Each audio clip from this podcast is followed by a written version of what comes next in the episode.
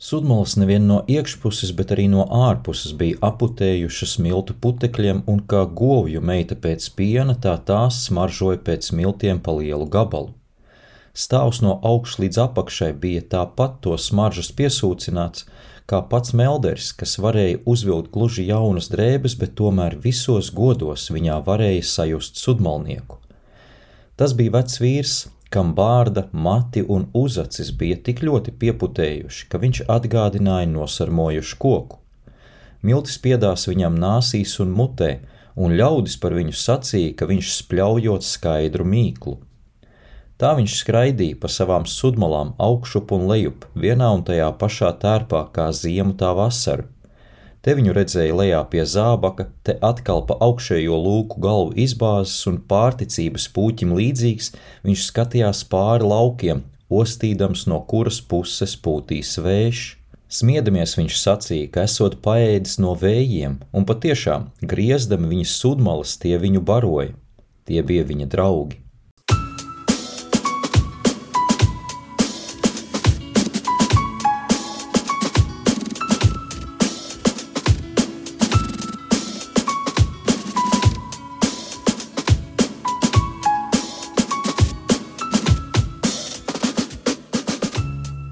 Šis ir podkāsts Restarts, mani sauc Alts Putniņš, un šīs būs sarunas par motorsportu.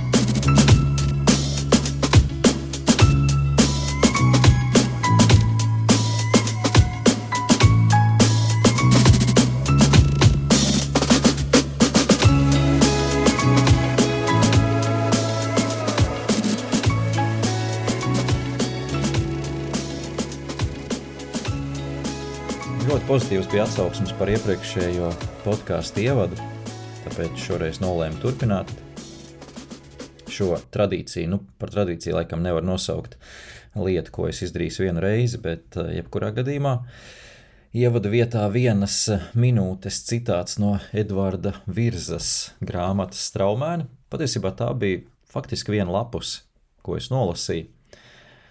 Un uh, tie apraksti, kas ir grāmatā, tiešām man arī skolas laikos, lasot straumēnus, likās garlaicīgi. Es būšu godīgs, man likās garlaicīgi, man likās nepanesami. Pat tajā laikā, kad tomēr daudz kairinātāju citu bērniem nebija kā televīzija. Nu, televīzija bija, bija, protams, bet tas, ko tur varēja televīzijā pusaudzis saskatīt, bija ļoti maz un ļoti reti. Tā kā tie kairinātāji pārsvarā bija tomēr ārpus telpām un aktīvā sportā kaut kas tam līdzīgs. Un, uh, Mūsdienās, es domāju, tomēr jaunai, jaunatnē krietni uh, vairāk lietas ir, kas novērš uzmanību, un es pieņemu, ka šādi gari apraksti viņiem ir absolūti pat nepan, nepanesami, bet uh, es pieļauju, ka grūti sakoncentrēties un izprast jēgu teikumā ar trim, četriem palīgteikumiem. Un, un šeit arī viņus grūti vainot. Nav jau tā, ka Nav jau tā, ka viņi pie tā ir vainojami. Šobrīd es uz to visu nedaudz savādāk skatos. Man pietiek vakarā izlasīt uh, divas, trīs lapus, uh, jo jāiedziļinās bezmaz katrā, katrā rindkopā. Ir. Un šie apraksti ir tas, kas ir tas interesantākais patiesībā tajā visā. Uh, redz, kā dzīve ir uzmetusi kūleni, Bet nu, tā tas notiek, jo tas uzbūr ainu, šis apraksts uzbūr ainu. Un uh, manā darbā, un es to pieļauju, ka varbūt arī jums kādam tas ļoti noder, vai darbā, vai, vai, vai citur, uh, ir svarīgi tomēr tieši mūsdienu piesātinātajā ar informāciju, ar kairinājumiem un visa pārējo šajā dzīvē kaut ko pasniegt viendimensionālā līmenī, respektīvi tikai, tikai ar audio. Un, uh, lai jūs aizķertu uzmanību klausītāja vai, vai sarunu biedra, jums ir jāpasniedz tas ārkārtīgi vizuāli labi un lieliski uztverami. Un šādi apraksti uztver, uh, uzbur to ainu un bildi. Un, uh, pietiek ar to vienu lapusi, tu izlasi, un tev aina ir uzburta. Un tas ir tas interesantākais. Un nebija tur nekāds action, un nebija tur nekādi notikumi, bet eh, tādi epiteti kā pārticības pūķis vai viņš spļauj skaidru mīklu. Nu, man uzreiz ir acīs, kā tas sudmalnieks ņem un nospļaujās, mīk, mīklas pikuci nospļauj zemē. Tā, kā, tā ir tā lieta, kas, kā jau teicu, man profesionāla darbībā ļoti svarīga. Man ir ļoti tālu vēl no tā, bet es zinu, kas klausītājiem ir krietni vieglāk uztvert stāstīto ja tas tiek stāstīts ar šādiem skaistiem aprakstiem, ar epitetiem, ar vizualizāciju, un tas ir tas, kas paliek prātā, un tas ir tas, kas paliek atmiņā. Arī es klausoties kādus kursus vai, vai, vai uh, uzstāšanos, uh, nu, kā, kādā brīdī tas viss paliek garlaicīgi, nogurdinoši vai, vai vienkārši grūti uztverami, un tieši šādi salīdzinājumi uh, padara to lietu pat nevieglāk uztveram, bet ilgāk iegaumējam. Un eh, tas ir tas, kas paliek atmiņā. Šādas lietas. Es, es ceru, ka jums ir līdzīgi, jo runāt jau var. Nu, šajā gadījumā es runāju par Formuli 1, un runāt par Formuli 1 var daudz un dikti, un eh, pēc, pēc divām dienām jūs neko no tā īsti neatminēsieties, un tas nepaliks eh, atmiņā. Ja tiks izmantot šāda veida bagāta valoda, salīdzinājumi, epiteti, uzburtas ainas, tas noteikti iespiedīsies dziļāk atmiņā. Tā kā iesaku, iesaku palasīt straumēnus, jebkurā gadījumā. Šajā reizē mēs runāsim joprojām par Formuli 1. Man saraksts nav īpaši garš, bet ir pāris lietas joprojām, kas nav izrunātas arī pēc iepriekšējā posma, tā kā es eh, šobrīd šo restarts eh, podkāstu izmantoju tieši šādiem mērķiem, kā jūs teicu, arī F1CLV podkāstā pirmdien, kur kopā runājām ar Viesturu kundziņu. Citu paldies, jā, Viesturam. Ļoti interesanti bija parunāties arī par audio lietām, arī par audio pavisam, pavisam sīk un nedaudz šodien, bet, bet tiešām maz drusciņi. Tad es arī šos restarts podkāstus izmantoju kā tādu, kā jau es minēju, mājas uzkopšanas paņēmienu, lai tomēr to, kas ir sarakstīts, un tie jautājumi, kas ir uzdoti no līdzjutējiem, tiktu atbildēti un var mierīgi, varētu mierīgi pārslēgties uz nākamo posmu un nejusties, ka um, esmu kādam parādā. Uh, Viesturs, starp citu, pievērs uzmanību tas, uh, kurš pēc kārtas bija šis uh, podkāsts pirmdienas FNCL podkāstā bija 187. epizode, un viņš bija pārsteigts, ka tik daudz epizodes bijušas. Un prasīja, kad mēs sākām. Mēs tur aizklausījāmies, nedaudz parunājām par to lietu, bet uh, es arī līdz ar to gribēju pats noskaidrot un apskatīties, kad mēs īsti sākām, jo tā bija grūti sarēķināt uzreiz. Un mēs sākām, es saku, mēs, jo mēs pirmo epizodi ierakstījām ar eh, Robertu Graudiņu, kas eh, mans kolēģis ir FNCLV. Un pirmā epizode tika ierakstīta 2017. gada 13. februārī. Es to epizodi nedaudz paklausījos, desmit minūtes burtiski no paša sākuma. Paklausījos epizodi. Man nepatīk sevi klausīties, īpaši tāpēc, tāpēc Tāpēc arī neturpināju klausīties vēl jau vairāk eh, pirms sešiem gadiem, kā es izklausījos. Eh, noteikti katram ir kaut kāda attīstības, eh, attīstības posms dzīvē, un skaidrs, ka pirmais podkāsts nekad nebūs tik labs kā 180. podkāsts. Vai vismaz es ceru, ka tā ir. Eh, jebkurā gadījumā es ļoti labi atceros to laiku, kad es sāku domāt par podkāstiem, jo es eh, sāku uztvert eh, vai, vai patērēt podkāstus angļu valodā tieši par, protams, Formuli 1 tēmu, un Latvijā podkāstu nebija. Mēs faktiski pirmo epizodi ierakstījām laikā, kad Latvijā podkāsti nebija populāri, tie nebija modē. Un eh, šajā ziņā es, es varu nedaudz par to palpoties. Es nesaku, ka tas bija pirmais podkāsts Latvijā, pilnīgi noteikti nē. Eh, bet es zinu, ka es par to domāju nu, vairākus gadus, jau pirms tā 2017. gada, kādus gadus, divus par to, ka vajadzētu ierakstīt. Bet eh, pirmkārt, Latvijā nebija tāda tādas prakses, un tā galvenā mana doma bija, ka kurš to klausīsies un kā to klausīsies, un kā to es vispār aiznesīšu līdz klausītājiem. Man papriekš ir jāiemāca viņam, kas ir podkāsts, un kā tas jāklausās, un kā tas ir jāpatērē, ja nav tādas prakses to darīt. Līdz ar to sākotnēji tā doma tika atlikta, atlikta, atlikta, bet ņemot vērā, ka es tos audio žurnālus, teiksim, tas ir viens no tulkojumiem, latviskojumiem, sāku patērēt aizvien vairāk un biežāk, un man patika runāt, un man bija jākomentē. Protams, es jau tad komentēju vairākus gadus un daudzus gadus pirms tam, tā kā tas audio formāts man gāja pie sirds. Līdz ar to tā doma par podkāstu nobried aizvien vairāk. Turklāt tika atrasts arī tehniskais risinājums, protams, ne Latvijā, bet ārzemēs. Tas ir tas pats Podbean, kur uh, turpinam arī šobrīd no Podbean. Pēc tam mēs gan pārcēlāmies uz citu platformu, kas tagad ir nedaudz paputējusi vai pārpirkta un aizgājām atpakaļ uz Podbean. Tad vēl pēc pāris gadiem tā mēs te nomigrējām tā, to, to platformu, kur tiek glabāti audio faili. Šobrīd tas ir pārgājis turklāt arī uh, maksas formātā. Pirms tam tas bija bezmaksas formāts, tagad viss ir attīstījušies un, un skaidrs, ka tas ir pār, pārgājis maksas formātā. Bet to, ka toreiz es arī pētīju, kas te Latvijā raksta, ieraksta podkāstus, un, kā jau teicu, nu, podkāstu faktiski nebija. Es atradu vienu Latvijas universitātes, ja nemaldos, 4. kursa studentu, kurš arī bija sācis to darīt, tādas, tādas 20 minūšu nu, podkāstus, jā, veidot intervijas vai, vai, vai pārdomas ar sarunas ar pasniedzējiem, protams, pat par savu tēmu tā tālāk. Un tas tika kaut kur publicēts. Vēl bija kaut kas varbūt tāds, tāds sīks, mazs un ļoti nemanāms kopumā. Bet atrast kaut ko latviešu bija faktiski neiespējami. Tā kā, kā jau teicu, mēs bijām viena no pirmajiem 17. gada, tas ir pats pats sākums, 13. februāris. Nu, ja mēs būtu sākuši vēl tos divus gadus iepriekš, kad, kad domājām, pirmā doma parādījās, tad, tad protams, jā, bet katrā ziņā toreiz tie klausījumi vai, vai lejuplādes arī nebija īpaši daudz.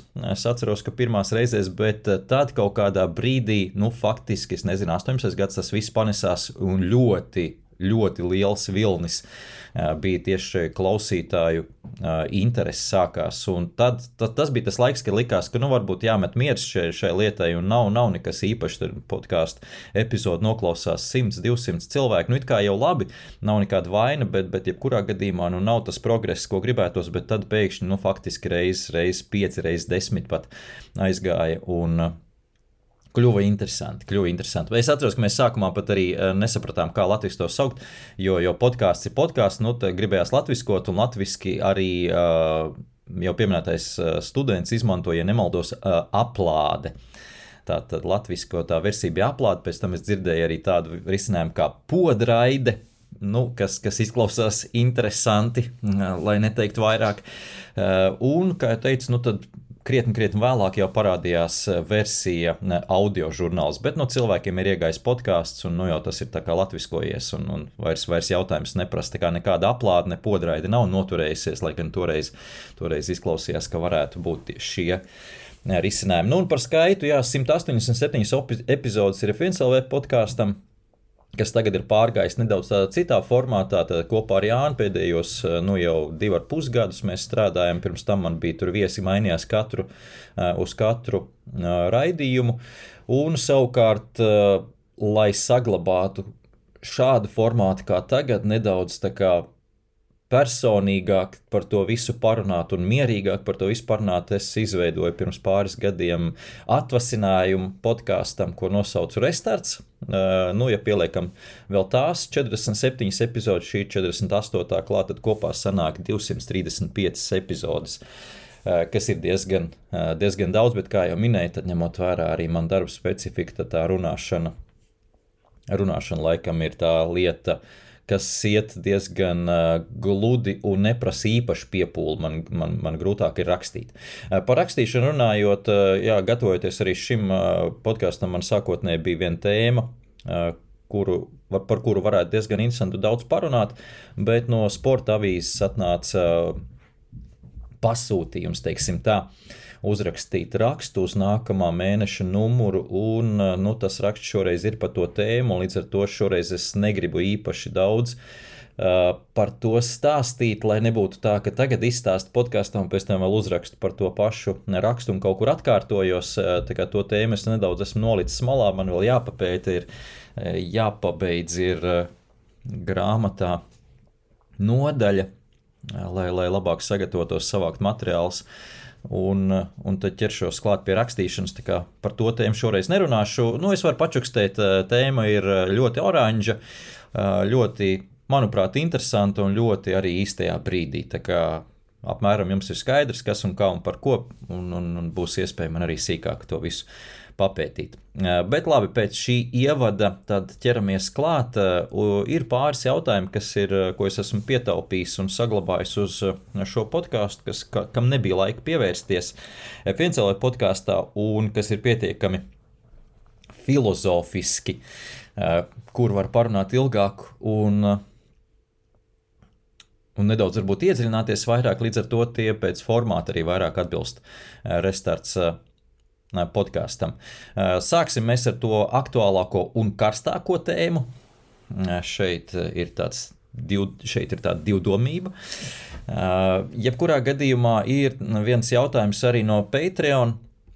Paldies visiem Patreon, un šis podkāsts arī starp citu nonāk vispirms Patreon lapā. Uh, Eh, kur arī ir tā saucamais early access, kur, starp citu, ir arī daudz īsāki podkāsti, kurus es pat nepieskaitu vairs šajā, šajā uzskaitē un numerācijā nekādā veidā un formā šie īsie podkāsti ir vairāk kā tāda reakcija varbūt uz notikumiem tieši sacīkšu nedēļas nogalē vai uz karstām ziņām, un arī laika izteiksmē tie ir, kā jūs saprotat, īsie. Nu, es cenšos iekļauties 15, 20, 25, 0 līdz 30. Tas ir absolūtais maksimums minūtēs. Tieši tāpat kā es cenšos iekļauties ar restartu vienā stundā.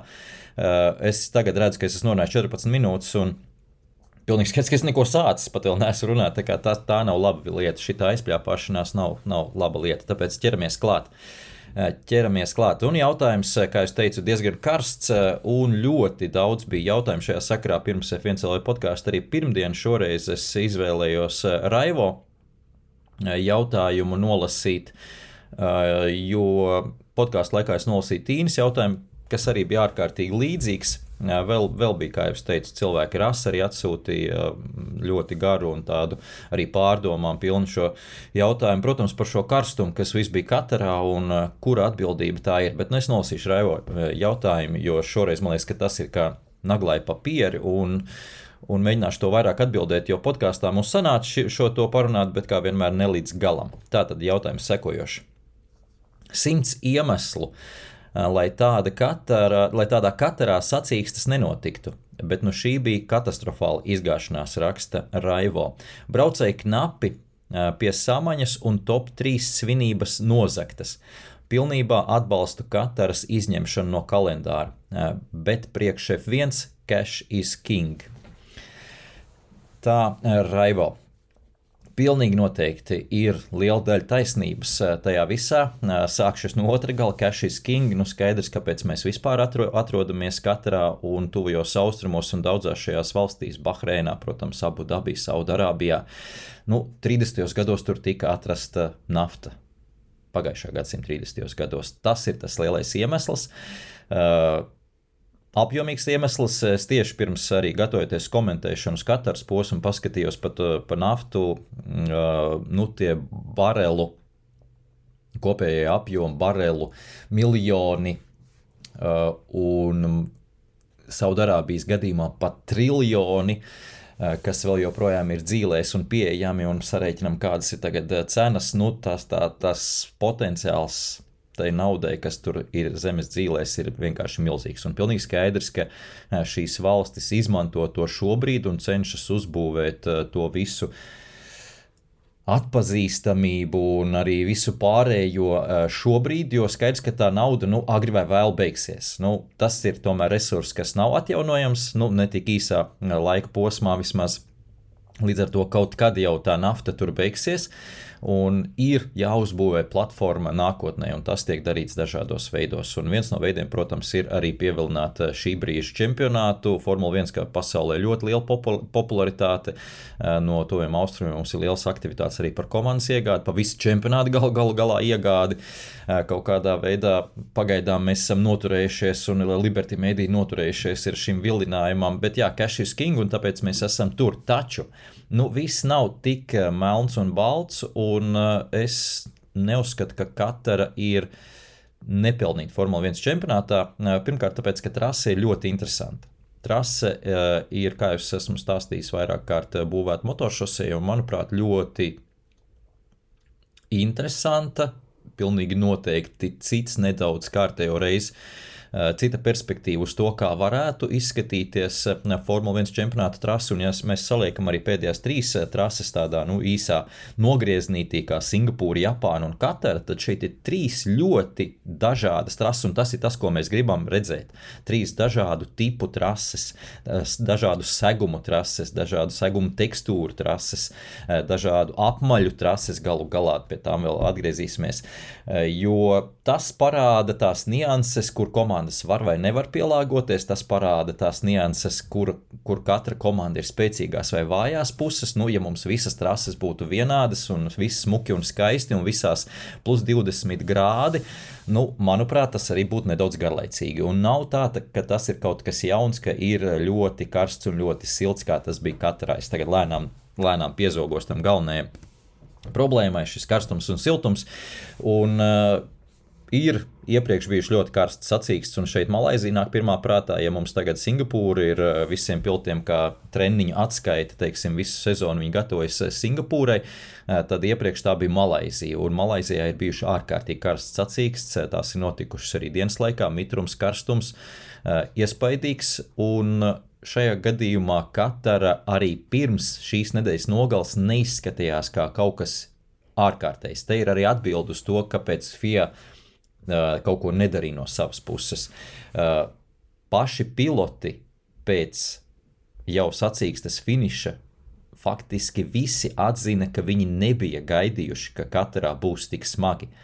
Ja paši piloti, kas gatavojas rūpīgi, cītīgi kopā ar saviem fizioterapeitiem, nebija gatavojušies un nebija zinājuši, nebija nojautuši, ka būs tik traki, nu, skaidrs būs karsti, un, un, jā, bet ka tik traki, tad kā kā FIA pirms sacīkstes to varēja novērtēt. Savukārt, sacīkstes laikā šeit, lai FIA iejauktos un apstādinātu, nu, es gribu redzēt, darbie draugi, arī Raivo, arī visi pārējie, kas kritizēja šobrīd šo situāciju, ja FIA apturētu sacīksti.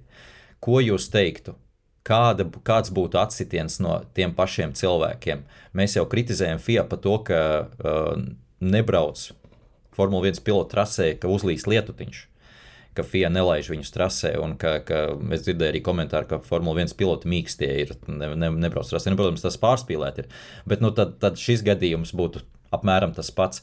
Jo šis ir tas mirklis, kad profesionālam braucējam, profesionālam pilotam, profesionālam atlētam ir jānovērtē savas spējas, savs fiziskais stāvoklis, un tieši to izdarīja Logans Sāržants. Viņa gadījumā, manuprāt, tas bija ļoti pirmkārt drosmīgs, viennozīmīgi, bet otrkārt arī saprātīgs lēmums no viņa puses. Viņš apzinājās to, ka ir šobrīd viņa fiziskā kondīcija sliktā stāvoklī atbilstošajos apstākļos, un ka tas var radīt bīstamību ne tikai viņam, bet arī citiem, un viņš nobrauc malā.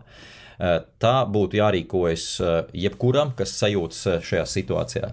Starp citu, viena niansīte, es arī par tādām mm, parunāšu par nedaudz fizioloģisko pusi, jo kopš viens vēl podkāstu pirmdienā Es palasīju par šo karstumu, un, un uh, ir arī viens raksts, gan jau tapis pirms pāris gadiem, tieši par, uh, fiziote no fizioterapeita puses par skaidrojumu, kā, kā karstums ietekmē Mm, sportistu kā tādu. Šajā gadījumā nav varbūt tieši uz pilotu, bet sportistu kā tādu un ko, ko tas viss nozīmē. Tur, tur tāds pāris interesants nianses ir uh, visnotaļ. Bet uh, tas, ko es gribēju teikt, par šīm vestītēm Jūs redzējāt, noteikti pirms starta arī daudz stāvēja šajās atvēsinošajās vestēs, ledus vestēs, ko piloti izmanto. Kas ir interesanti, tad ļoti daudz pilotu šajās karstajos posmos izmanto tā saucamās ledus vannas. Noteikti esat Instagramā redzējuši, viņi kāp šajās ledus vannās. Nu, tad tā doma ir, ka īsi pirms starta, cik nu atļauj tas grafiks, iekāpt ledus vannā uz 10-15 minūtēm un atdzesēt pazemināt ķermeņa temperatūru, cik nu tas iespējams. Nu, protams, tas ir pa vienu, diviem grādiem. Tas nav tā, ka tagad tur ir kā sikspārnis. Uh, protams, nē. Uh, par pāris grādiem maksimums tur ir absolūtais. Adresēt nedaudz ķermeņa temperatūru, kas, protams, lēnām atgriezīsies atpakaļ normā, bet tā stunda, kas pēc tās ledus vannas ir, ir, ir tas apmēram tas buferis, kur uh, tā temperatūra ir nedaudz pazemināta, un tu vismaz sacīkstēji sākoties, esi normālā temperatūrā, ķermeņa temperatūrā, bet neesi jau pārkārsis sēžoties mašīnā. Līdz ar to nu, tas izējas punkts varbūt tev ir nedaudz zemāk. Tas viss ir labi un skaisti, bet tā problēma, eh, kā tieši stāstīja šis fizioterapeits, rakstīs, atvainojos, rakstīs šis fizioterapeits, problēma ar eh, ledus vestītēm ir nedaudz cita. Ledus vestītes tiek izmantotas, eh, lai nedaudz šo stundu pagarinātu šo, šo ietekmi vai inerci šam ķermeņa temperatūras pazemināšanai pagarināt. Bet vestītes kā tādas ietekme uz ķermeņa temperatūru nav nekāda. Tā pat nepazemina, tātad šo iekšējo temperatūru nepazemina, nestrādā to tā, bet rada pilotam pašam, kā cilvēkam, tādu sajūtu nedaudz patīkamāk, ka viņš nav tik ļoti pārkārsis. Tātad tas ietekmē vairāk sajūtu, un viņam ir patīkami.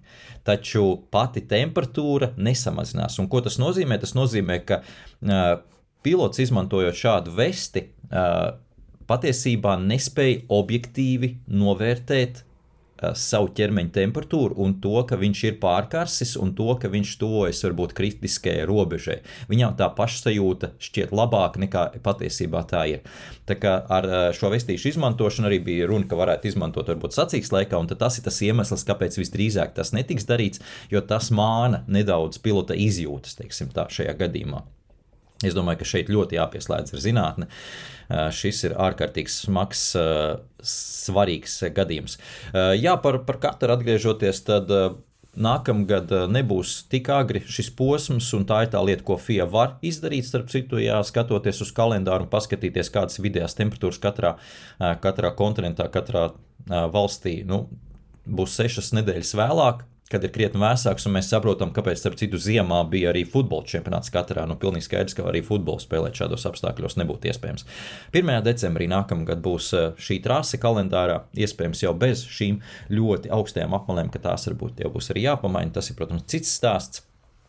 Eh, jebkurā gadījumā eh, tā otra lieta, skaidrs, kas, kas sāsināja šo situāciju, ne jau tikai laikapstākļi. Pilnīgi noteikti tas bija šī īpatnība ar eh, Pirelli. Tā arī nedaudz jau aizskarta ir un tā ļoti dziļi tajā neie, neiedziļināšos. Respektīvi, šīs riepas, kas neturēja uz apmalēm, tas nozīmē, ka mums bija konkrēts nogriežņu skaits sacīkstē, arī apļu skaits, limits, ar ko varēja ar šīm riepām nobraukt, 18 eh, apļi. Tas nozīmē, ka faktiski visu sacīkstu pilotu varēja dot gāzi grīdā un braukt katru apli kā kvalifikācijas apli.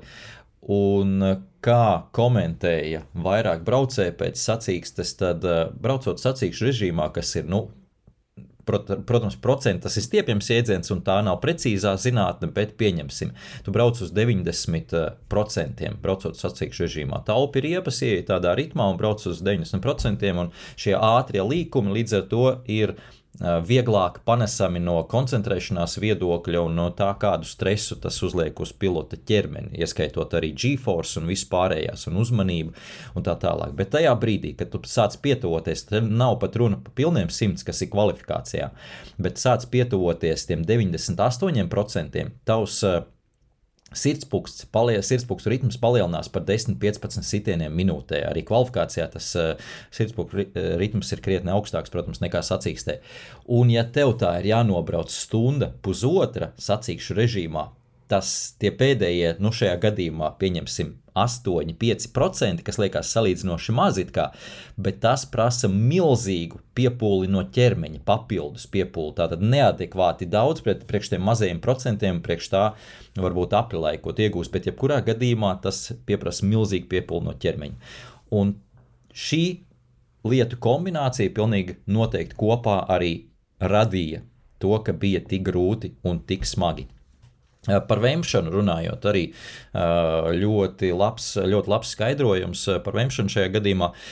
Kas notiek, ka pilots sāk pārkarst, pārkarst kokpitā? Nu, jāņem vērā tas, ka pilotam pirmkārt mugurā ir apakšveļa nedegošā balaklava, un tad ir kombinzons, kas ir trīs slāņu ugunsdrošas aizsardzības kombinzons. Nu, tas ir kaut kas līdzīgs, kā ja jūs uzvilktu slēpošanas kombinzonu mugurā un iekāptu saunā. Eh, jo pilots sēžot kokpitā, tas temperatūras, eh, temperatūras sasniedz 60.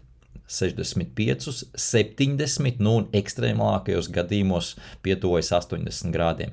Jo tas karstums un siltums izdalītais pirmkārt jau no paša pilota, otrkārt no mašīnas, tātad zinēja, kas turpat aizmugurē ir, un treškārt arī no pašas trases, šis karstums, kas nāk no asfalta, tas viss lēnām akumulējas, un, un lai gan tas ir atvērtais kokpits, mēs tā to saucam, taču īsti tāda ventilācija kokpita iekšpie, iekšēnē nopietna nav un nenotiek. Tāpēc mēs redzējām, starp citu, piloti, pilotus, kuri arī tur nedaudz rokas taisnē noņēma no stūres un nedaudz priekšā tā pacēla, jo arī kokpita visa šī aerodinamika priekšā ir nodrošināta tā, lai tā gaisa plūsma nonāk konkrētās vietās virs pilota galvas, kuri gai, gaisa savācējs priekš dzēsēšanas, nevis tieši virsū varbūt pilotam. Tāpēc, tāpēc arī piloti, jo es redzēju, tas bija Džordžs Rasels, turēja rokas priekšā tā izvērses uz stūres taisnē. Lai tā gaisa plūsma nāktu kaut kur viņam virsū un iekšā kokpitā, un, un varbūt pavērt nedaudz vizieri, kas pirmkārt ir ļoti bīstami, protams, tur tas vizieris tomēr ir aizsarga mehānisms. Eh, bet no otras puses, arī kas tur nāca pretī, tur nāca pretī 40, 40 eh, grādu gaisa strūkla. Tā kā ne nu gluži karsts, ne nu gluži fēns, bet, bet tuvu tam. Eh, tā ir otra lieta, jā, un par, par karstumu, par šo vēmšanu ķiverē es sāku stāstīt. Tad, Tā lieta ir sekojoša tajā brīdī, kad tu sāc uzkarst, tur tie 60 grādi ir kokpitā, visas asinis dodas uz tuvāk ādai, protams, arī uz smadzenēm, kas ir svarīgākie svarīgākie ķermeņa elementi, lai dzēsētu šos visus elementus, lai dzēsētu ādu. Jūs sākat svīst, un svīšana ir ļoti labs process tajā laikā, jo vairāk svīst, jo vairāk arī dzēsē visu šo ķermeni. Bet tas nozīmē, ka kuģī, kas tajā brīdī nav aktuāls, tās asins apgāde vairs nav un vairs nenotiek. Un ja pirms sacīkstes kaut kādā laika posmā ir kaut kas ēsts, un tas joprojām nav sagremots, tad tās asinis no kuģa ir aizgājušas, un tā sagramotā, pussagramotā barība tur sāk iestrēgt. Es nezinu, kā sauc to medicīniski, tur ro, rodas kuģa spazmas, un tas izraisa šo nelabumu sajūtu un arī vemšanu. Tā kā īsti jau nevem, bet tev nāk kaut kāda kuģa sula ārā, un skaidrs, ka nu, tā sajūta ir ārkārtīgi nepatīkama. Tas izskaidro šo vemšanas uh, situāciju ģīpšanu, jā, par ko par ģīpšanu runāja arī um, Lans Strauss, ka šajos ātrijos likumos uz brīdi viņi izrūpījās. Un tas izklausās arī dramatiski, un nu, kā, kā tas var būt. Uh, šajā gadījumā tā ir tāda arī nedaudz sajūta, to sauc par uh, hipoksiju. Tā ir īslaicīga, īslaicīga skābekļa trūkums uh, smadzenēs Un tas faktiski tiešām ir dēļ lielajiem lozailas ātriem līkumiem un G-force pagriezieniem. Jo kas notiek G-force augsta G-force pagriezienos, tāda, kur G-force 3, 4, 5, nu, kopā ar bremzēšanu pat varbūt 6 uzsit, tur piloti nedaudz aiztur elpu. Katrā ziņā viņu elpošanas ritms nav normāls, nav atbilstošs viņu tā brīža sirdspūkstu ritmam. Kā rakstīja šīs fizioterapeits, tad ļoti bieži šādos apstākļos elpošanas ritms ir drīzāk. Sadunojos, drīzāk ir atbilstošs miega stāvoklim. Tātad tur elpo tik reti, un tas skābekļa apjoms ir tāds, kā tev ir miegā. Savukārt, tavs sirdspūkstu ritms sasniedz 150, 180 sitienu minūtē, kas ir ļoti, ļoti daudz. Un līdz ar to šī skābekļa padeves neatbilstība tavam sirdspūkstu un asinsrites, eh, asinsrites tempam nozīmē, ka tavas smadzenes nesaņem pietiekami daudz skābekļa. Un tas ir tas moments, ko, ko sauc kā jau teicu par hipoksiju, eh, kad tu uz brīdi sajūti arī tīri fiziski šo, šo skābekļa trūkumu eh, smadzenēs, un nu, nedaudz tiešām var teikt tādu sajūtu, ka tu izrubies. Uh, Eh, tas ir tas, tā ir tā sajūta. Un eh, skaidrs, ka tas ir tieši ātrijos pagriezienos, kā jau teicu, kur piloti vairāk eh, aiztur šo elpu. Un tā ir tā lieta, ko ļoti cenšas trenēt arī fizioterapeiti, proti, šī elpošana. Elpošana ir visa pamatā. Ja jums ir stress, ja jums ir liela fiziskā slodze, jūs pat kāpjat pa trepēm un jums ir aizdusi jūsu elpošanas ritma un elpošanas paradumu maiņa var pilnīgi noteikti palīdzēt piemēram, kāpjot augšā pa trepēm, pamēģiniet tikai ieelpot visu laiku. Ar vienu ieelpu uzkāpt augšā pa trepēm. Uh, nu, dažādi, dažādi paņēmieni, un neesmu, neesmu fizioterapeits un nemācīšams neko baigi izstāstīt un iemācīt, bet katrā ziņā no elpošanas ir ļoti atkarīgs. Ne vēl arī jogas, starp citu, kas, kas nu, ir tāda ļoti padziļināta ķermeņa zinātne, es gribētu teikt. Tur visa pamatā arī ir elpošana. Pareizā brīdī tu ievelc elpu un pareizā brīdī tu izpūti elpu. Un tas ļoti daudz pilotu, starp citu, arī nodarbojas ar jogu vai kaut kāda veida jogas atvasinājumiem, kas pilnīgi noteikti uztur to ķermeni tonusā. Uh, jā, nu tas vairāk tāds no tādas mm, fizika, fizio uh, puses uh, uz to skatoties. Un, un, un vairāk uz pilotu, varbūt sagatavotības līmeni skatoties. Un šajā gadījumā es domāju, viņi ir tie atlēti, kas, kas, uz ko mēs varam uh, skatīties un brīnīties tikai. Nu, viņiem, protams, ir nauda, lai viņi var nolikt katrs savu treneru, un tas treneris ļoti daudz un cītīgi tagad strādā mūsdienās ar katru no piltiem, un, kā jau es teicu, skrien līdzi, dipado līdzi ar somu, ar visādiem dzērieniem, ēdieniem, elektrolītiem, kas ir jāatgūst uzreiz pēc, pēc sacīkstēm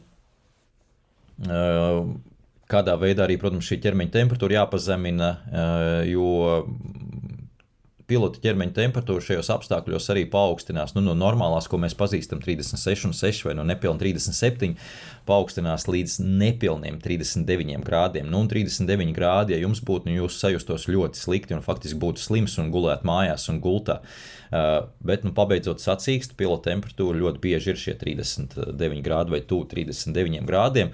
Un tāpēc, nu, šādos apstākļos, protams, karstuma apstākļos, tāpēc arī pirmā lieta, kur viņi atkal dodas uz šīm uh, termokamerām vai, vai, vai dzēsēšanas vannām, kas nu ir pieejams varbūt uz vietas uh, trasē.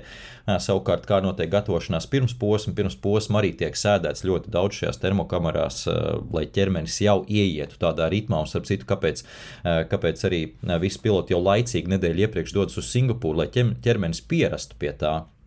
Un šeit tika, starp citu, arī paralēls vilkts ar to, ka Singapūrā bija pietiekami smagi sacīksts, bet piloti tie, tai bija gatavi. Savukārt, nu, Katarā nebija ieradušies laicīgi, varbūt, nebija arī paši piloti un arī fizioterapeiti nebija novērtējuši, cik tas varētu izvērsties smagi gala rezultātā. Kā jau teicu, protams, kombinācijā ar to, ka bija ātrais ritms sacīkstē.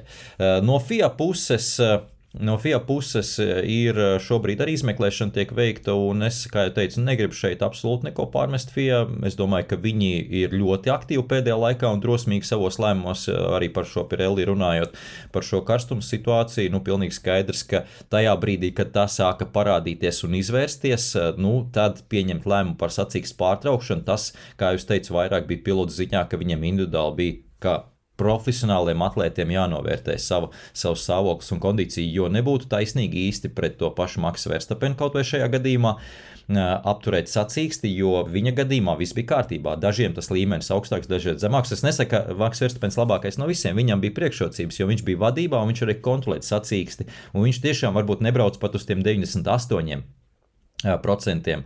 Viņš varbūt brauc uz 96, jo viņam nebija jābrauc ātrāk par, to, kas kā, kā brauc aizmugurē.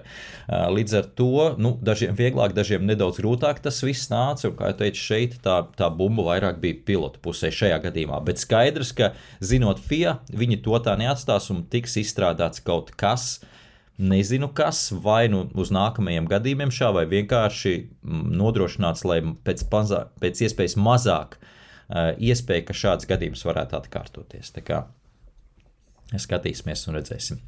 Labi, liksim tam karstumam mieru. Es eh, ļoti daudz esmu norunājis par to lietu. Eh, gribu nākamo jautājumu aprunāt, un tas būs Aleksandrs. Aleksandrs ir viens no Patreon atbalstītājiem, tā kā paldies viņam. Un viņš arī tādu divdaļīgu jautājumu uzdeva pie iepriekšējā podkāsta vēl, un es solīju viņam atbildēt nākamajā podkāstā. Tad pirmā daļa no Aleksandra jautājums sekojošs. Sveiki! Uzskatu, ka 11. komanda kaut kādi varētu uzlabot. Es atvainojos, vēlreiz es sākšu, nedaudz kļūdījos jautājumā. Tātad Aleksandrs raksta sekojoši. Sveiki! Neuzskatu, ka 11. komanda kaut kādi varētu uzlabot skatītāju kvalitāti, jo, kā jau minēts, visa uzmanība ir par vadošajām komandām un vismaz, vai vismaz vidējām. tad jau labāk pacelt pēdējo komandu konkurētspēju. Tā jau ir grūti izsekot pozīciju attīstībai trasē, sacīkšu laikā nu, nav jēgas veidot vēl vairāk komandas. Paldies, Aleksandram. Tā ir jautājuma pirmā daļa, bet tā arī pieķeršos sākumā. Nu, skaidrs, ka runa ir par Andreti, par to, vai mums vajag vai nevajag. 11. komandu, un šeit, es domāju, viedokļi būs daudz un dažādi. Un, ja mēs tā ļoti norobežojamies no tā, kāda ir tā komanda un, un cik konkurētspējīga un tā tālāk, vai vajag 11. Ja man kā līdzstājiem paprasītu, es teiktu, ka vajag tomēr to 11.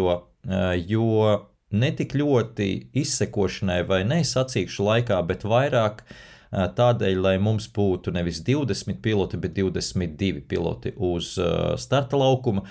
Jo ir bijusi sajūta pēdējos gados, ka tomēr paliek malā kāds pilots, kas tomēr ir pelnījis šeit. Tas pats Oskars Piastrī, nu viņam nebija jāsēž gads rezervistos Es pieņemu, ja mums tā ir amerikāņu komanda, varbūt kāds no amerikāņu talantiem vai indīkāru talantiem, liela cerība būtu, ka varētu parādīties šeit un ļoti gribās redzēt salīdzinājumu viņu spilgtākajiem talantiem. Tas pats Aleks Palau, kas audzis ir šeit, un cik viņš labi izskatītos Formulā 1. Tas, tas ārkārtīgi ir tā lieta, ko es esmu ļoti daudz par to domājis un mēģinājis kaut kādā veidā salīdzināt, un to ir nenormāli grūti salīdzināt, neiespējami salīdzināt. Tā, tā ir tā lieta, ko gribētos redzēt, un varbūt mums to dot tā 11. komanda un uh, Andretī. Bet vienā lietā, kur es piekrītu.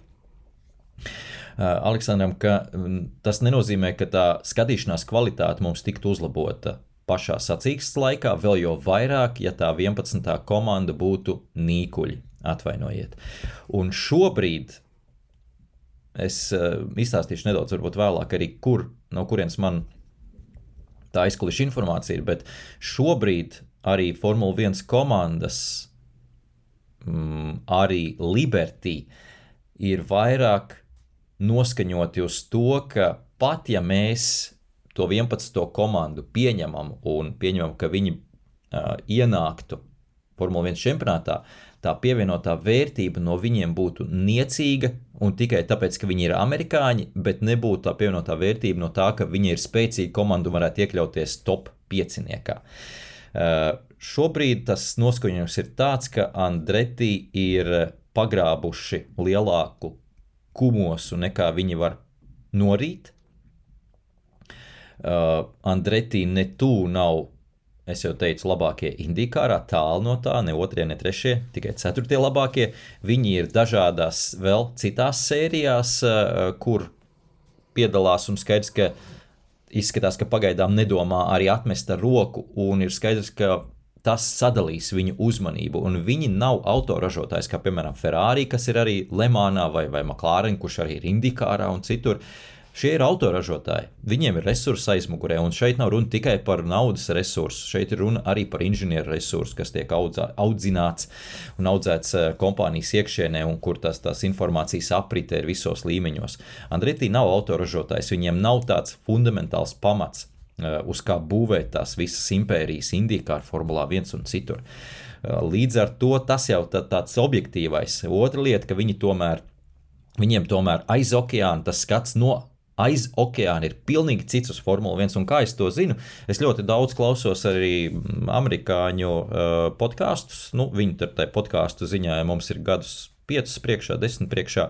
Tādā ziņā, ka viņi sāka krietni ātrāk jau, un tas bija norma, normas robežās. Un es Indijā ar Naskāru podkāstus klausos, eh, IMSA podkāstus klausos eh, žurnālistus, kurus, eh, uz kuriem es skatos no apakšas uz augšu, un viņi ir tiešām augsta līmeņa žurnālisti savos lauciņos. Un tad, kad viņi ik pa brīdim kaut ko parunā par Formuli 1, ir kļūst skaidrs, ka viņi no aiz okeāna un visiem ir līdzīga tā nedaudz tā tendence skatās uz Formuli 1 tā nedaudz savādāk. Nedaudz ne tā, kā mēs šeit skatāmies uz to, un ne tā, kā cilvēki, kas ir iekšā Formulā 1, redz Formuli 1 krietni labāk, manuprāt. Un viņiem ir nedaudz, nu, vai nu rozā brilles, vai brīžiem tāda tiešām lien cauri nenovērtēšana, ka šeit ir nauda pārsvarā svarīga un ka ienāktu pareizie cilvēki, tad tiešām šeit viss izbāzt. Nu, nu gluži tā laikam nav, un es absolūti viņiem arī piedodu šo nedaudz amerikānisko, nu, negribas teikt, uzpūtību vai iedomību. Un, manuprāt, ka Andretī arī piemīt daļa no tā, varbūt tas nav iznācis tik publiski uz āru, lai gan nu, sākotnēji arī šajās, šajās agresīvajās buldozera aktivitātēs un diskusijās par to, ka jāņem ir viņi, viņi iekšā un, un visu Formule 1 komandas vadītāja apvainošana. Vistiešākā veidā un publiskā veidā, nu, es domāju, arī parāda to, ka īsti nenovērtē, kā šeit ir tās spēles spēlējams. Nu, tas ir labi vai slikti, tas ir cits jautājums, bet vienkārši tā, tā tie noteikumi mums te ir. Te ir piranju klubs, un tev ir uh, ar tām piranjām jārunā viņu valodā, bet tas viss notiek aiz, aiz slēgtām durvīm, un tev ir jāmāk tā politika bīdīt. Nu, skaidrs, ka nenovērtē to Andreti, un īsti izskatās, ka nemācēja bīdīt. Es nezinu, vai viņš izdarīs pareizos secinājumus, varbūt tomēr ir. Lai nu kā tā iepriekšējā pieredze, pieredze par Maiklu Andreti arī rāda, ka arī kā pilots būdams, viņš netū nenovērtēja Formuli 1 kā čempionātu. Pārvērtēja, es domāju, arī savas spējas un iespējas toreiz. Un tas viss izgāzās pamatīgi. Un te ir jautājums, vai mums vajag amerikāņu komandu ķeksītim? Ja jūs domājat, ka vajag, tad mums tāda ir jau. Mums ir hāzs ķeksītim. Hāzs, kāda nu viņa ir, tāda ir. Kaut kur tur brauc pa aizmuguri, ir amerikāņu komandiņa, jā, Un es domāju, ka mums nevajag vēl vienu tikai, lai būtu. Uh, nu, starp citu, par Hāzu runājot, pavisam īsi, tad Hāzs no amerikāņu komandām šobrīd ir savā astotajā sezonā un ir aizvadījuši vairāk par 160 Grand Prix sacīkstēm. Tas nozīmē, ka viņi ir visvairāk no visām amerikāņu komandām Formulā 1 šobrīd aizvadījuši, visilgāk noturējušies. Tā kā šeit jau jānoņem ir ķiveri viņu priekšā. Jo iepriekš tās komandas, kas ir bijušas, kā Shadow, 70. Mm, gados Penske, arī 70. gadu vidū, turpat tīri, tīri solīti, bet ļoti īsu brīdi bija Penske, divus vai trīs gadus. Eagle, Parnelli, Parnelli Jones komanda, kas bija, uh, nu, vēl bija pāris maziņas, es tagad, tagad neatcerēšos. Skarab, jā, bija 60. gados, bet tā vispār arī uz īsu brīdi vēl bija kaut kas 80. kad nāca iekšā te. Katrā ziņā uzvaras izcīnījusi Penske un uh, Eagle. Um, jā, nu Hāzs līdz tam vēl nav tikuši, jā, protams, bet nu, tomēr noturējušies Formulā 1 ir ilgāk. Nu, jā, kā jau teicu, tad vai mums vajag gan tretī, kas tur pa beigām kopā ar Hāzu varbūt vēl zemāk, vai mums tomēr vajag spēcīgu un jaudīgu amerikāņu komandu. Ja tāda ir, tad viss kārtībā, un es domāju, ka to, uz to gribētu skatīties ar Liberty. Liberty ir amerikāņu kompānija. Viņi novērtē amerikāņu tirgu. Viņi saprot, ka Andretī varētu pavērt vēl to amerikāņu tirgu, vēl lielāku tās slūžas, vēl vairāk vaļā. Bet tikai tādā gadījumā, ja amerikāņi būs spēcīgi. Ja amerikāņu komanda būs spēcīga ar kādu spēcīgu amerikāņu pilotu, un acīm redzot, tā ir tā lieta, ko Liberty šeit neredz. Protams, viņiem tur jāžonglē ir starp tām interesēm, ko Formule 1 komandas grib un ko grib paši Liberty. Uh, bet nu, tā žonglēšana nebūs viegla un pagaidām neizskatās par labu Andretī komandai. Un, kā jau teicu iepriekš, nu, tas ideālākais risinājums, ka tomēr tiek pārpirkt kādu no esošajām komandām, ehm, nevis kā 11. vienība. Ienāk Andretī. Tā, turklāt, pavisam īsā viņiem arī dzinēju līgums ar Renault, priekšlīgums, kas bija ar Renault, jeb Alpīnu, bet nu, patiesībā Renault uh, ir uh, beidzies, ir izbeidzies, ir nobeidzies uh, jau laikam pāris mēnešus atpakaļ, uh, un jo tas priekšlīgums paredzēja dzinēju piegādi Andretī komandai līdz zināmam termiņam, ja viņi tiek apstiprināti kā Formula 1 komanda. Ja tas nenotiek, tad priekšlīguma, uh, priekšlīgums beidzas, termiņš uh, iztek, un attiecīgi viss, viss jāsāk no jauna, jau viss pārunas, sarunas un viss pārējais ir jāsāk no jauna. Tas bija pirmais jautājums no Aleksandra, pirmā jautājuma puse, un otrais jautājums vai otrā jautājuma puse šoreiz uh, ir vairāk par citu tēmu. Uh, no manas puses jautājums raksta Aleksandrs. Uh, cik var ciest lielo rezultātu atšķirību starp vienas komandas braucējiem? Runa ir par Peresu un Strolu. Jau visiem skaidrs, ka tur ir bezdibenis, bet varbūt Red Bull nav ātrākā formula, tikai pilots viņiem ir ātrākais. Kā jums šāds apgalvojums? Nu, dārgie draugi, kā jums šāds apgalvojums, ka Red Bull nav ātrākā formula, bet pilots ātrākais? Es domāju, ka šeit ir pirmkārt jātiek skaidrībā ar definīciju, ko nozīmē ātrākā formula, jo tā ir tā ļoti stiepjama definīcija. Jā, tieši tā kā Aleksandrs raksta, ja mēs ņemam, liekam klāt pilota uh, efektu, vai kā Peres gadījumā jāsaka defektu klāt, tad skaidrs, ka arī mēs uh, no tā izvērtējam, kas tad ir ar to formulu, vai viņa ir ātrākā vai nav ātrākā. Un šo lietu es ik pa brīdim esmu jau pieminējis no Formule 1 komandas puses, šajā gadījumā arī Red Bull, kā viņi paši to saka un kā izskatās arī varētu būt. Viņi, viņiem ir tā priekšrocība būvēt ātrāko formulu, ko viņi var uzbūvēt. Meklēt potenciālu un nedomāt par to, vai tā formula būs atbilstoša pilota pilotēšanas stilam vai nē. Eh, viņi var meklēt potenciāli ātrāko mašīnu un tajā virzienā arī iet. Un eh, meklēt, ar meklēšanu, es domāju, protams, ar visu veidu simulācijām, eh, plānot un skatīties, kurš ir risinājums, tehniskais, aerodinamiskais, balstiekārts un tā tālāk, kur risinājumu kombinācija dod maksimālo virtuālajā realitātē simulāciju maksimālam aplaikam, labākajam aplaikam. Tātad, kur ir lielākais potenciāls? Protams, tas ir virtuāli, protams, tas ir teorijā viss, bet viņiem ir tās priekšrocības pret dažām citām komandām, pret, neteiksim pret visiem, bet pret lielu daļu komandām, ar to, ka viņiem ir pilots, kas visdrīzāk 98, 99 gadījumos spēs tikt galā ar to, ar šo mašīnu. Starp citu, Fernando Alonso es arī gribētu par tādu pilotu nosaukt. Un spējas ar tikt gandrīz pie nu, maksimuma potenciāla, ko tā mašīna spēja parādīt. Un tas, tā ir tā lielā priekšrocība pret pārējiem. Ar Sergio Peresu šajā gadījumā ir tā, ka viņš to vienkārši nespēja izdarīt. Un, un viens ļoti labs komentārs, nu pat pēc pēdējā posma bija no Peresa, un atvainojiet visu Peresa līdzjutēju, tas komentārs vienkārši uzskatāmi parāda, ka draudziņ, nu, izskatās, tu esi nedaudz. Ne savā līgā. Un Pēters, nu, viņš angļuiski, protams, man uh, to teica, bet nu, tas komentārs ir, pavisam īsi centīšos tā iztulkot. Uh, viņš teica sekojoši, ka uh, viņš būtu bijis un justos krietni komfortablāk ar eh, šo formulu šīs sezonas laikā, ja tā mašīna tik ļoti nemainītos šī gada laikā. Uh, jo sezonas sākumā viņš jutās labi, bet tā mašīna mainījās. Viņš visu laiku saka vārdu change. Tā tad mašīna mainījās, bet uh, Ko nozīmē mašīna mainījās sezonas laikā? Mašīna tika attīstīta. Šeit nav runa, ka komanda ņēma un izmainīja mašīnu kaut kādu vienu konkrētu parametru. Eh, komanda, kā jau es teicu, strādāja uz to, lai palielinātu formulas potenciālu vai pietuvotos potenciāli griestiem, līdz ar to tika veikti uzlabojumi.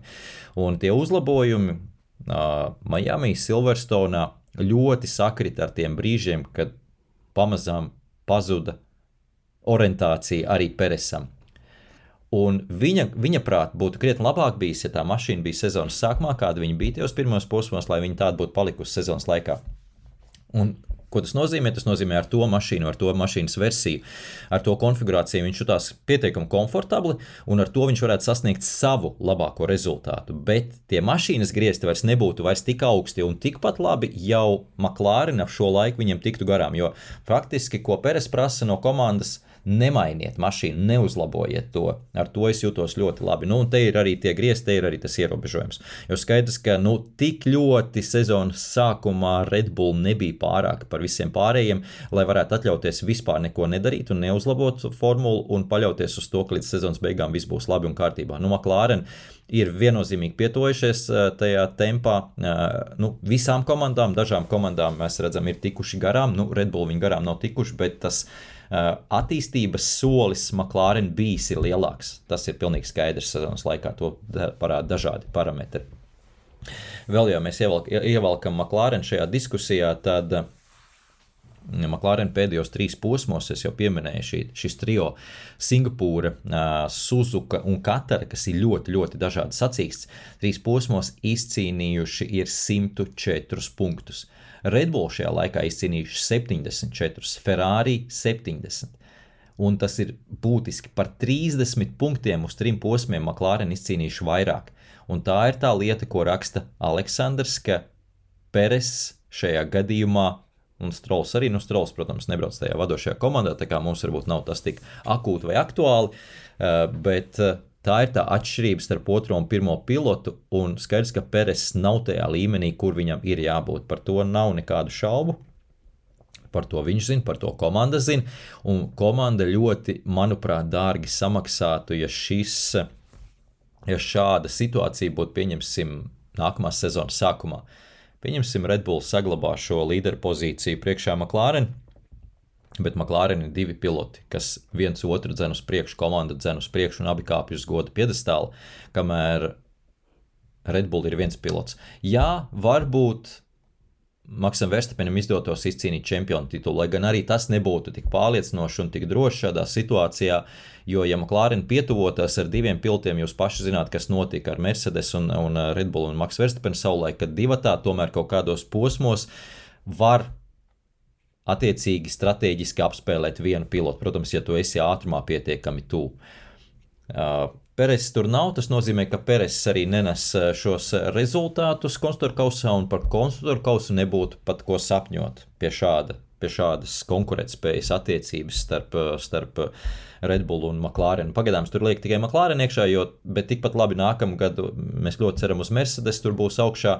Nu, par Ferrari, kā jau teicu, nekad neko nevar zināt. Ceram arī, protams, būs augšā tur. Un līdz ar to skaidrs, ka nākamajā gadā ar šādu Peresu uh, Red Bull nav ko cerēt uz tādiem rezultātiem. Uh, tiek uzreiz apdraudēta arī Verstapena situācija krietni vairāk, kas ir, protams, krietni interesantāk mums, bet nu, no Red Bulls puses skatoties, nu, skaidrs, ka šāda situācija ilgi nevar uzturēt. Uh, pie dzīvības.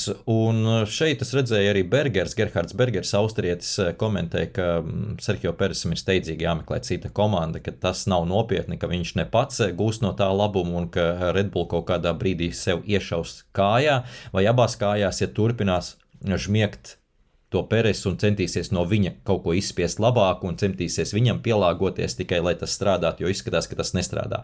Nu, šeit jāatcerās, ka Gerhards Bergers varbūt arī ir nedaudz personīgi tā visā ieinteresēts viņa eh, meita, kā tā nu bija Heidi, laikam Heidi. Uh, ir eh, ļoti tuvās attiecībās ar Danielu Rikārdo. Tur jau kādu ilgāku laiku love notiek. Un, nu, skaidrs, ka Bergers varbūt arī tur kaut ko no savas puses bija. Tā pašā laikā nav jau tā, ka viņš kaut ko nepareizi pateica. Bet kas pats interesantākais, tad šo pašu eh, Bergera komentāru nolika priekšā Helmutam Marko. Un teica, un piedāvāja pakomentēt viņam, un Helmuts Marko eh, teica, ka viņš eh, negrib komentēt Bergera izteikumus, un jo īpaši negrib to darīt pirms Meksikas Grand Prix. Es domāju, ka šī atteikšanās komentēt pat vairāk, pat vairāk parādīja un kaut ko nozīmē nekā ar visu komentāru par, par Meksikas Grand Prix, nekā ja būtu tiešām Helmuts eh, Marko arī kaut ko pateicis. Tā kā skaidrs ir viņa, eh, viņa šeit nostāja, un skaidri bija arī, eh, starp citu, Kristiāna Hornē nostāja, kurš arī pēc Kataras teica, ka mums ir jāapsēžās ar Peresu un jāsāk steidzīgi domāt un risināt šis jautājums. Tā kā pilnīgi noteikti tur ir ļoti liela problēma. Par strolu pavisam ātri, jā, par strolu vairāk šajā gadījumā par kopējo situāciju, jo par strolu es teicu, ka es domāju, ka kamēr, kamēr tā nauda būs, kā arī teica Laurents Strauls tētis, Strauls, kamēr nauda man būs, tikmēr dēls brauks. Tā kā no viņa puses mēs nesagaidīsim, ka viņš ieliks to puiku stūrī un liks nokaunēties vai, vai pār, pāradresēs uz uz Lemānu, ap citu, kur arī Aston Martina šobrīd ir uzsākuši savu projektu, kas nebūtu nemaz tik slikts risinājums arī Lansam Strolam. Lemānas līmenī, tieši tāpat kā Antonio Giovanacci, kurš izcīnīja šo Lemānas uzvaru ar Ferrari. Es domāju, ka Strauss būtu lielisks pilots, un viņš arī Formula 1 ir galu galā kāpis uz godu piedestālu un slapjās mitrās sacīkstēs pat ļoti adekvāti brauc, bet nu, redzam, ka tomēr Alonso mēraukli viņam ir pa skarbu bijusi. Un, tā kā Lemānā patiesībā, jā, varbūt viņš atrastu savu otru moģo, tur viņam arī mazāk būtu ar presi jārunā un, un tikpat labi ideāli atrastu savu dzīves aicinājumu. Tas, tas nav slikts scenārijs. Es nezinu, ko par to domā pats, eh, pats Lans eh, vai Laurens, eh, bet jebkurā gadījumā tas nav slikts risinājums. Uz Astonu Martinu attiecas visas tās pašas potenciālās problēmas, kas attiecas uz Red Bull šajā gadījumā. Alonso nav viens vilcējs, un to viņi samaksās arī ar, par to pašu McLaren sakarā, jo McLaren nu, ļoti ātrā, milzīgā tempā šobrīd ķer ar diviem piltiem regulārus godu piedestālu ķer Aston Martin, nu pilnīgi skaidrs, ka noķers, noķers cīņā par ceturto vietu konstruktūra kausā, un tur ir naudiņa, tīrā naudiņa, 10, 11, 12, 13, 14. Es nezinu precīzi, kā no kuru gadu no kopējā katra atkarīgs. Tie miljoni papildus pa katru vietu nāk. Konstruktora kausā, nu, tā ir tā maksa, ko samaksās Aston Martin nu, par dēlu uh, Laurents Strauss. Uh, bet, jā, kā jau teicu, pavisam īsi tur par kompāniju, tad attiecībā par uh, kompāniju eh, Aston Martin tur interesants pārvērtības notiek. Pavisam nesen palielināja, pirms nepilnu pusgadu palielināja savu akciju uh, paketi. Laurence Strauss līdz 26%. Viņš ir, viņa kompānija ir uh, lielākais akciju turētājs, otrs lielākais uh, ir Ķīnas autotehnoloģiju kompānija Gili, kas arī ļoti strauji palielina savas akcijas. Arī, ja nemaldos, jau ir pāri 20, un tur ļoti grūti ir izsekot 20%. Ļoti grūti izsekot, jo dažādām akciju, dažādas akcijas dažādās kategorijās, kuras skaitās iekšā, neskaitās, un es no tā, godīgi sakot, neko nesaprotu. Bet cik es saprotu, tā situācija ir tāda, ka ķīnieši ļoti vēlas šobrīd iegūt maksimālo kontroli pār, pār Astonu Martinu un uh, palielināt savu akciju skaitu līdz 29,9% vai līdz 30%, tātad par 0,1% pārkāpjot šo uh, 29,9% slieksni. Un tajā gadījumā, kad tas notiek, pēc noteikumiem šim akciju turētājam uzreiz automātiski ir uh, jāpiedāvā visiem pārējiem pārpirkt viņu akcijas, momentā par to samaksājot par augstāko cenu, kāda ir bijusi pēdējos 12 mēnešos. Tik daudz es no tā dokumenta sapratu. Tur vēl visādi papildu noteikumi, protams, sarežģīti pietiekami. Bet katrā ziņā, ja viens grib pacelt savu akciju paketi vairāk kā 30%, tad viņam automātiski ir pienākums piedāvāt pārpirkšanai no visiem pārējiem. Un Tas nozīmē, ka tikpat labi Laurents eh, Strauss kaut kādā brīdī saprot, ka viņš šeit var ļoti labi nopelnīt pret, tā, ko, pret to, ko viņš ir ieguldījis, gan pret Astonu Martinu, gan pret Formule 1 komandu. Un tikpat labi pēc laiciņa Astonu Martinu piederēs ķīniešiem, un viņi tur ieliks Gonjužu. Es šeit tikai, protams, spekulēju, neko precīzi nezinu neko, bet, bet uh, tas, tas arī ir potenciāli nākamais solis. Un tā, tā kā tikpat labi varbūt uh, no paša Lorenza vai Lansa vairs ļoti drīz nekas tur nebūs atkarīgs. Uh, vēl viena lieta bija par Hamiltonu un Russellu, kas pavisam ātri aizrunā. Šobrīd ir stunda, tā kā centīšos to arī īsti neievilkt garumā par Hamiltonu un Russellu šo sadursmi.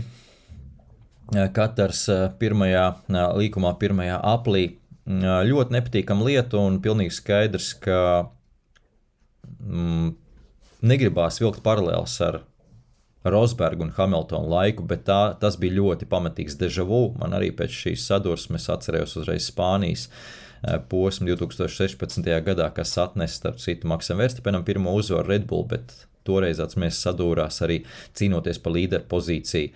Tas gan bija starp otro un trešo līkumu Spānijā.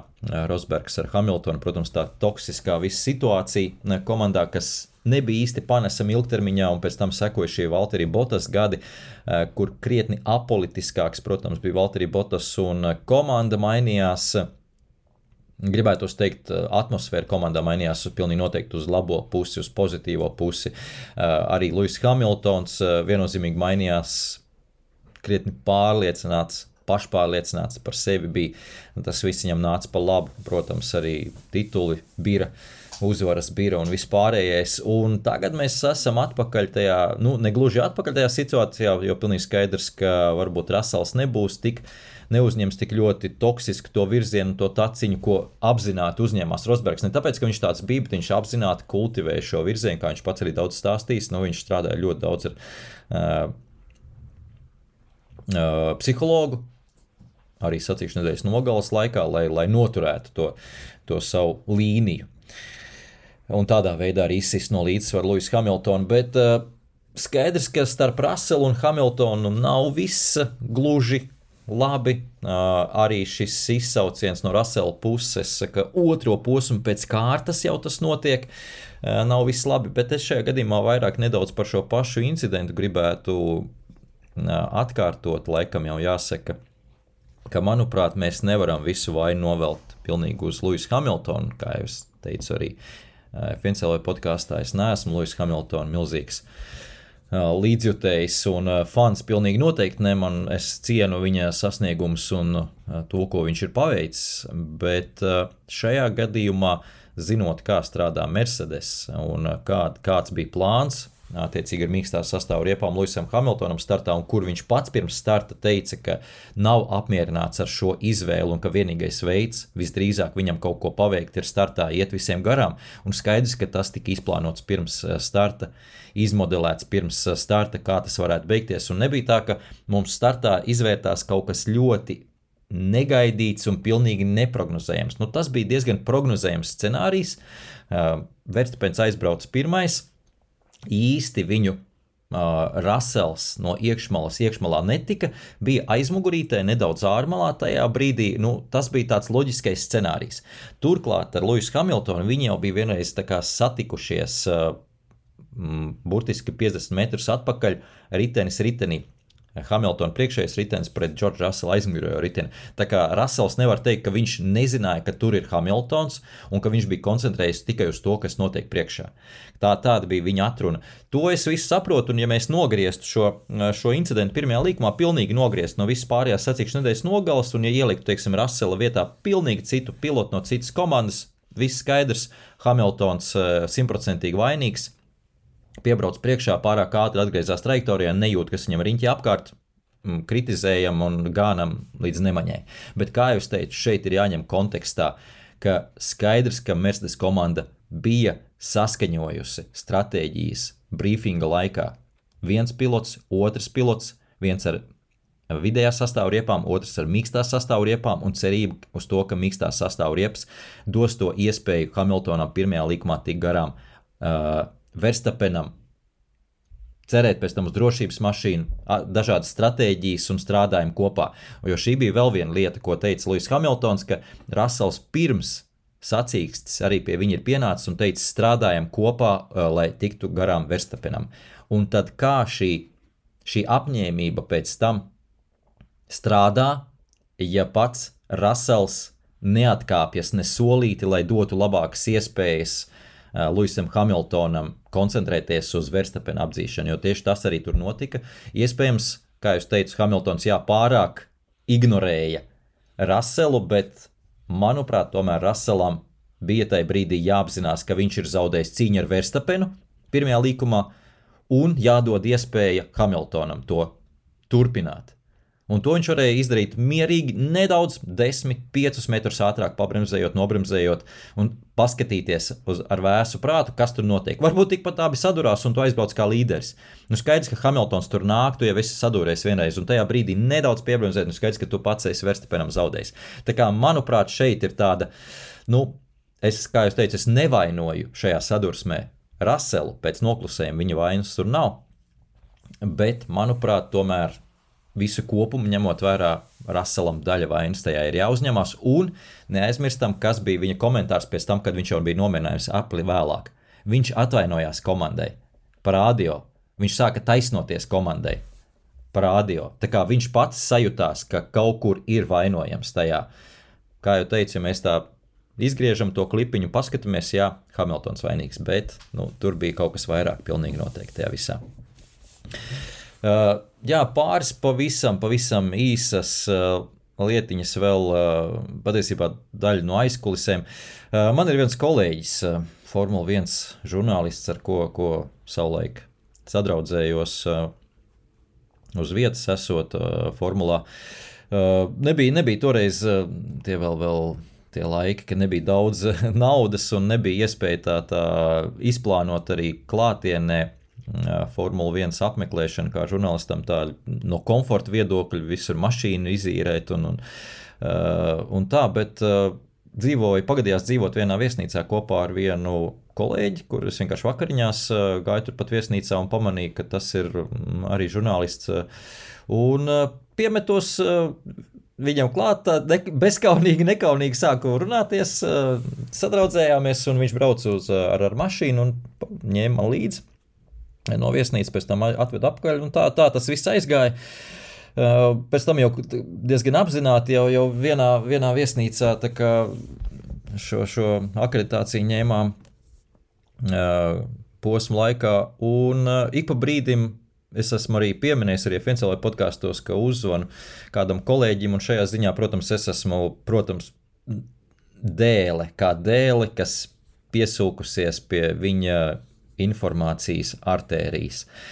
Jo īsti jau pretī es neko nedodu tādas noderīgas informācijas, un man ir liels, liels paldies viņam jāsaka, un es arī vienmēr cenšos. Paldies arī, kā, kā saka, paldies jau neklunkšķi, latviešu izsakoties, bet es arī kaut ko klunkšķošu vienmēr mēģinu viņam aizvest.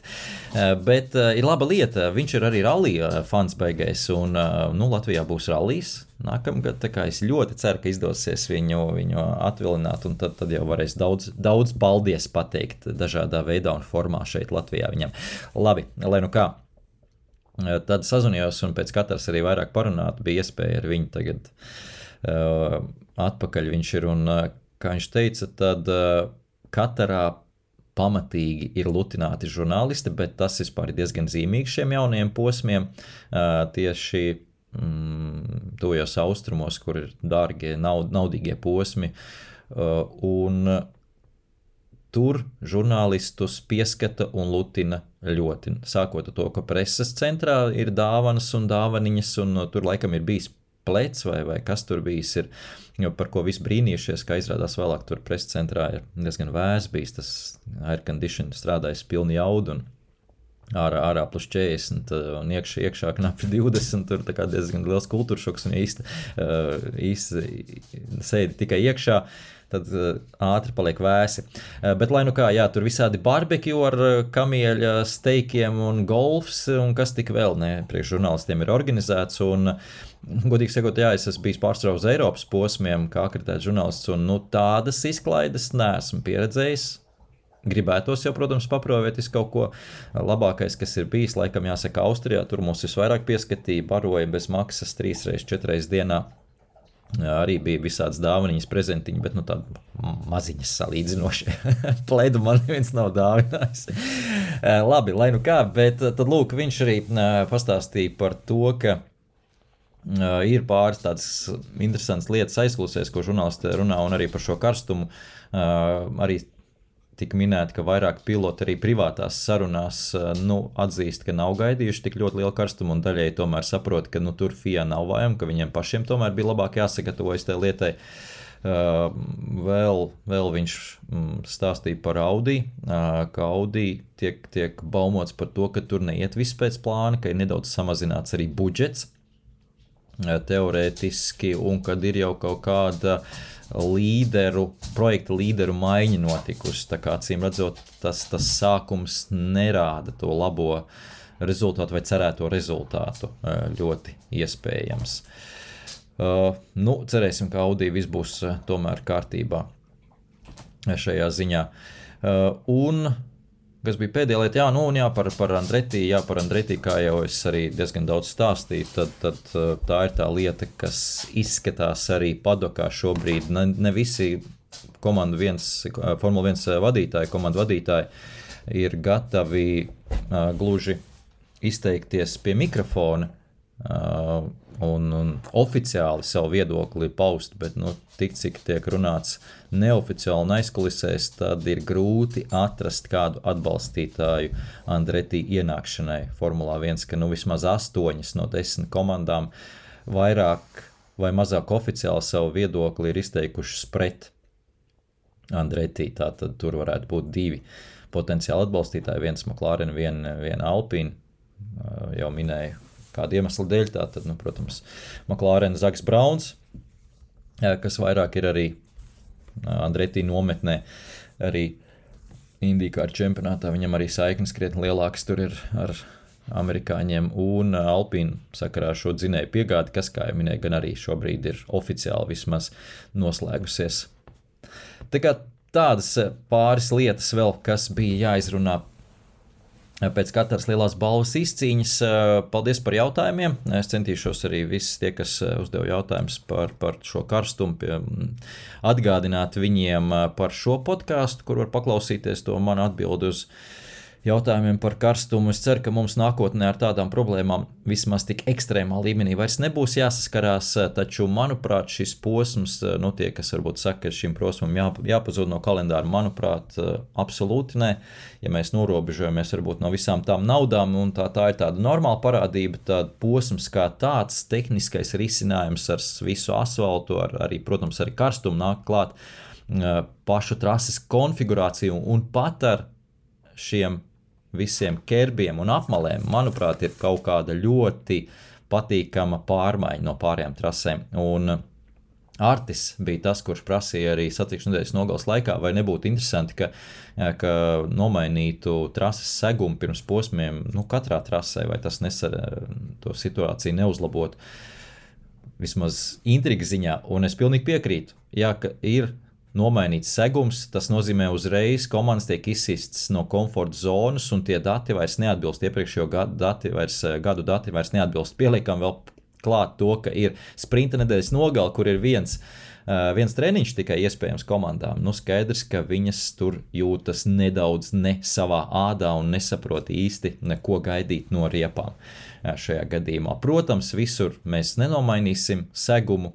Tas ir ļoti dārgs pasākums, Bet katrā ziņā katru reizi, kad ir kaut kāda seguma maiņa, ir arī pārsteigums sacīkstē. Un, manuprāt, sacīksts bija ļoti interesanti. Un katru mēs redzēsim vēl tur, turpmākos desmit gadus, kā minimums, kā rāda lī, līgums. Jā, tas arī viss. Tagad dodamies uz Ziemeļameriku, uz Dienvidameriku, pēc tam un atpakaļ uz sezonas noslēgumu jau Abu Dabī. Jebkurā gadījumā paldies, ka noklausījāties restartu līdz galam. Ja ir kādi jautājumi, droši raksti Twitterī, komentāros, viskaut kur. Mēģināšu tos apskatīt uz nākamo nākamo podkāstu epizodi. Un atgādinu vēlreiz paldies visiem Patreon atbalstītājiem. Ar jums tiksimies. Nu, noteikti būs arī kādi rakstiskie jaunumi un ziņojumi. Arī Roberts, jau pieminētais mans kolēga, kaut ko gatavo interesantu, es zinu, un, jā, kā minēju, tad ar mani laikam šajā īsajā podkāstā nākamā reize jau no sacīkšu nedēļas nogals, vai nu gadījumā, ja notiks kaut kas interesants, kāds skaļš jaunums, tad noteikti ātri varētu atkal izvilkt mikrofonu uz kādu 15, 20 minūšu podkāstu, kas būs pieejams visiem Patreon atbalstītājiem. Paldies! Tā, un tiekamies trasē!